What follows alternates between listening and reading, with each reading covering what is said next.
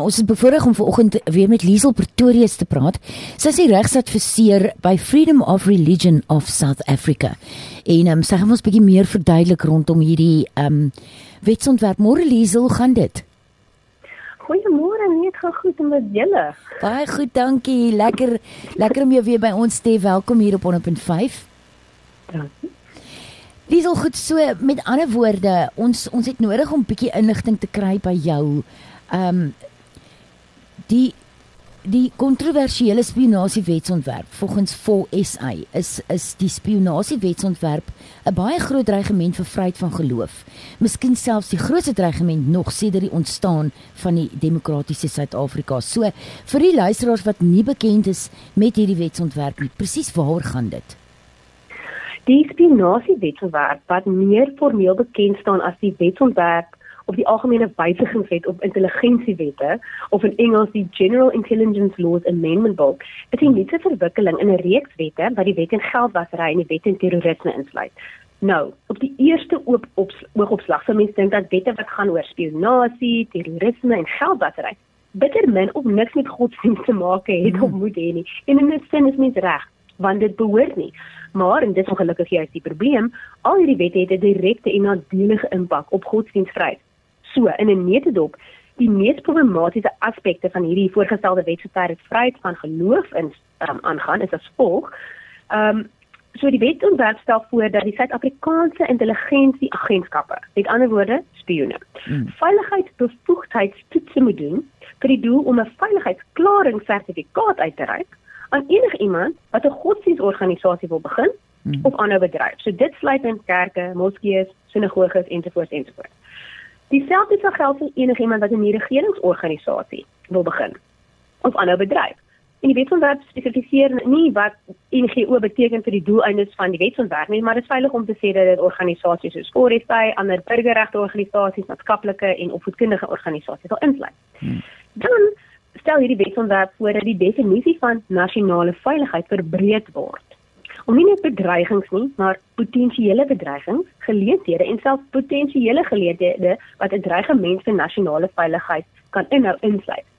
Nou hierdie konsepte word nie gedefinieer nie. Hulle is vaag, hulle is wyd. Dit hmm. maak hulle oop vir interpretasie en erger, dit maak hulle oop vir misbruik. Want natuurlik as jy nou iets doen wat in hierdie wye konsep val, kan hierdie wetsontwerp jou intrek en vang. Ja.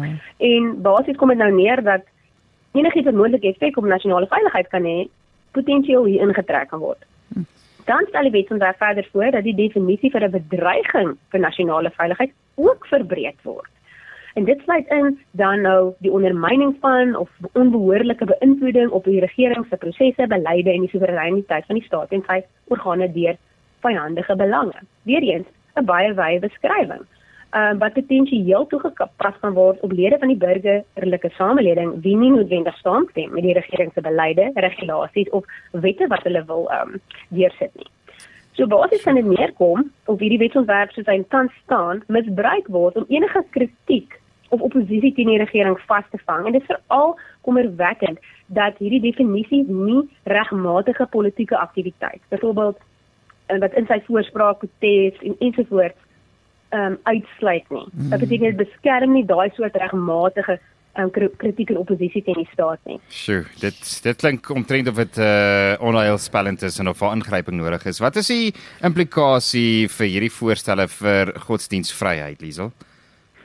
Ja nee, dit is on, inderdaad onheilspellend en ek wil net sê dat die burgers van die van Suid-Afrika, of hulle nou gelowige mense is of nie, maar as hulle ware reg aan grondwetlikheid, demokrasie, menseregte en vryhede, moet hulle self vergewis van hierdie wet en sy nadelige gevolge.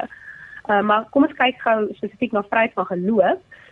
Wel die spionasiewet ontwerp maak die deur oop vir die staat om te begin dikteer byvoorbeeld wie kerk kan begin of voortgaan mm. om te hmm. om te bedryf. En natuurlik geld dit vir ander godsdienstige organisasies, moskeeë, sinagoges ensovoorts in en ook meer regeringsorganisasies. Maar wat dit prakties beteken en is hierdie hierdie hierdie wetsontwerp kan misbruik word deur persone persone in die regering wat miskien kritiese stemme of oppositie wil stilmaak of mense wat nou hulle sin te onafhanklik van die staat en die gemeenskap werk en te veel mag miskien in die gemeenskap het. Dan hierdie vereiste vir 'n veiligheidsklaring sertifikaat sodat jy enigstens 'n godsdienstige organisasie mag begin. Dit is direkte inmenging deur die staat mm. met die regte van die geloofsgemeenskap En sover dit ook van toepassing is op nie regeringsorganisasies direkte inmenging van die staat in die regte van die burgerlike samelewing. En dit is vir ons net totaal onaanvaarbaar dat in 'n konstitusionele demokrasie die staat hoegenaamd die mag kan hê om te dikteer wie mag 'n kerk hê, wie mag 'n mhm. moskee hê en wie nie. Sure. En hierdie tipiese drakoniese wet, sal ons sê is meer tipies van 'n totalitêre staat. Dit het geen plek in demokratiese Suid-Afrika nie. En ons dink dit is nie onmoontlik dat geloofsleiers wie redelik magtig of populêr is, indien hulle nou nie die ehm um, dit sou hulle die regeringsagenda opponeer of kritiseer, miskien kan vind dat hulle veiligheidsklaring sertifikaat geweier word. Wat hmm. beteken dat hulle organisasie organisasie nie meer mag bestaan nie. Of al kry hulle nou daai sertifikaat, dat hulle meer dikwels en meer breedvoerig ondersoek word as ander. Weet ons is nie om druk op hulle te sit. Ehm um, en die nog 'n gevolg van hierdie spionasiewetgewing is dat dit sal die staat in uh, staat stel om op almal die die staat nou as 'n bedreiging sien vir nasionale veiligheid of as sulks bestempel. Dis nou gewone landsburgers soos ek en jy aktiviste, godsdienstorganisasies, hulle leiers, joernaliste ensovoorts kan spioneer en dan boonop is daar geen verpligting in hierdie wetsontwerp dat die staat na die tyd vir mense sê hoor hierso daar is op jou ges, gespioneer nie. Hmm. En dit is strydig met grondwetlike beginsel. Ehm um, en en en nou sien nou hierdie definisie soos gesê van nasionaliteit en wat 'n bedreiging vir nasionale veiligheid is so verbreed word en so vaag is. Hmm. Kan dit allerlei goed hier onder intrek wat wat nie 'n goeie ding is nie. En mense moet verstaan dat enige misbruik of mishandeling uh, wat in die uh, sê maar die godsdienstsektor plaasvind deur mense wat ander mense wil kry om slange te eet of hulle met insek gespuit. Dis reeds onregmatig. Dis reeds ja. onwettig. Ons het nie 'n spionasiewet of enige ander nuwe wet nodig om hierdie gedrag aan te spreek en te straf nie. Al wat ons moet doen is met bestaande wette net behoorlik toepas. Liesel, jy het vir my 'n neel skoon stil. Ja. Ek, dit gebeur nie baie nie. Ja, dit gebeur nie baie nie. So nou nou die miljoen dollar vraag sou ek dink. Waar nee. waar is hierdie spionasiewetsontwerp tans in die wetgewende proses? Okay, so hy is in uh 20 in Mei 2023 vroeër jaar deur die kabinet goedgekeur. Toe is die wetsontwerp op 29 Augustus um, in die parlement ter tafel gelê. Die parlement het 'n spesiale komitee gevorm, die ek gaan nou nou maar in Engels sê, die Ad Hoc Committee on the General Intelligence Laws Amendment Bill, wat spesifiek na die ehm um, spinasie wetsontwerp gaan kyk.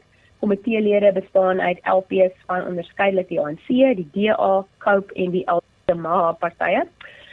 Die komitee vir die eerste keer op 2 November ontmoet. Hulle het al 'n voorsitter gekies, uh, maar hulle moet nog hulle komitee program finaliseer. So ons kan nog nie vir hulle sê hulle gaan op hierdie datum poog om dit of dat te doen nie, maar wat ons wel weet is dat hulle wil hierdie wetsontwerp gefinaliseer hê teen die tyd wat die parlement verdaag uh by die 2024 algemene verkiesings mm. wat hier rondom Mei, Junie volgende jaar mm. behoort te wees. Nou gegee die nadelige gevolge van hierdie spionasie wet. Is ons baie besorgd dat die komitee die wetsontwerp in so kort tydjie wil deurdruk. Want onthou, ja. hierdie wetsontwerp moet deur beide huise van die parlement beweeg die beide die nasionale vergadering en die nasionale raad van provinsies. En die parlement het 'n grondwetlike verpligting om betekenisvolle publieke deelname te fasiliteer. En dit sluit in om genoeg tyd toe te laat wat alle kwessies oor al problematiese aspekte van hierdie spionasie wetsontwerp behoorlik ondersoek bespreek en opgelos word voordat dit enigstens dit afgeteken word. So wat volgende moet gebeur is hierdie komitee wat hulle program vasstel, hulle gaan dan die wetsontwerp oopmaak vir publieke insig, tipies is dit in die vorm van 'n geskrewe kommentaar, maar ons sal ook die komitee versoek om publieke verhore um, te hou, indien die komitee natuurlik nie self voorstel nie. En um, dit gee landsburgers organisasies soos ons die uh, geleentheid om mondelike mondelinge vertoë direk aan die komitee te lewer. Um publieke deelname is 'n uiters ja. belangrik ons. Ja. Dit is 'n krities belangrike geleentheid om beswaar te maak teen die problematiese aspekte van hierdie wetsontwerp. Die mense moet verstaan dat as hulle nie van hierdie geleentheid gebruik maak nie, loop hulle die risiko om die rampspoedige gevolge van hierdie wetsontwerp sou geïmplementeer word te lewe. En dat ehm um, voor dit uit van natuurlik ons ondersteuners kennis stel van wanneer 'n publieke deelname plaasvind en nou na die publieke deelname proses al die insette is ontvang, dan moet die komitee weer dit werk, hulle moet dit behoorlik oorweeg en eers dan kan hulle die inhoud van die spinasie wet ontwerp behoorlik bespreek. Hmm. Om te besluit wat moet byt, wat moet weggelaat word, wat moet verander word met die hele ding net so geskraap word en ja. so voort. Sjoe. Diesel, alright. So so met ander woorde, ek ek dink die die die baie belangrike ding vir my en vir baie ander ouens wat luister na na hierdie inligting wat jy vir ons gee, is wat kan ek Ja, doen? hoe kan ons Wat kan ons betrokke doen? Want i- want iets gaan ons moet doen. Ja. Wel, mense kan inteken op ons nuusbrief. Ehm um, want dan sal hulle weer, hulle sal ehm um, die as daar iets gebeur, dan sal hulle van dit ingelig word. Ons nuus nuusbrief ehm um, jy kan inteken op op ons webwerf. Die adres is forsa.org.za. forsa.org.za.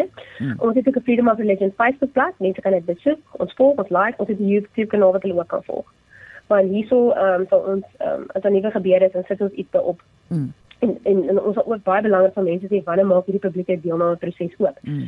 En wanneer die publieke deelname proses oop maak en dit is wat ons gewoonlik doen en sal dit met hierdie wetsontwerp ook doen, is ons stel 'n template submission voor. So dis 'n basies 'n voorbeeld van 'n kort geskrewe kommentaar Mhm. waar ons die ons besware en en voorstelle wat ons dink is belangrik opsom in 'n baie eenvoudige manier. Mense kan daai template submission wanneer nou beskikbaar gemaak word eventueel aflaai, hulle kan hom net so gebruik of hulle kan hom aanpas, hulle eie goedjies bysit, goed weghaal wat mense saam sê en aan die parlement stuur. So is neem hulle deel aan die publieke deelname proses en so laat hulle ook vir die parlement weet wat hulle um, wil hê as landsburgers van Suid-Afrika. Ek dink dis 'n goeie beginpunt Liesel. Ek dink dis waar ons moet begin, ehm um, kry ons betrokke en kry die inligting en besluit dan self uh, hoe ons dit wil verder vat. En en dit is waar hoe, hoe meer mense 'n opinie het en en hoe meer getalle daar is wat 'n sterk opinie het hieroor, hoe meer gaan hulle hulle daaraan moet steur seker. Ja, absoluut. Dit is 'n dit is op die ou end 'n numbers game. Um, Ja. En as die as er daar genoeg oppositie is, dit dit wys en die en die, die staat of die parlement het onder 'n verpligting om hierdie ehm um, die publiek se insigte ernstig op te neem. So as daar 100 000 mense is wat 'n probleem het met hierdie wetsontwerp, dan kan hulle dit nie ignoreer nie. Hulle mag Ja, nie. ja. So teken Okay. in op die uh, webtuiste forsa.org.co.za is dit reg? So het ons hom reg so? forsa.org.za. .org.za en so dis forsa.org.za teken in daar en al die inligting is daar vir jou beskikbaar en die ander platforms sal ook vir jou beskikbaar gemaak word. Hiersal dis waarvoor ons tyd het vanoggend om met jou te gesels. Ek wens ons het baie meer tyd gehad om dit in diepte te bespreek. Maar ek dink die kruks is nou baie duidelik gemaak dat iets moet gedoen word en Ja. ons moet saam staan rondom hierdie tipe van ding.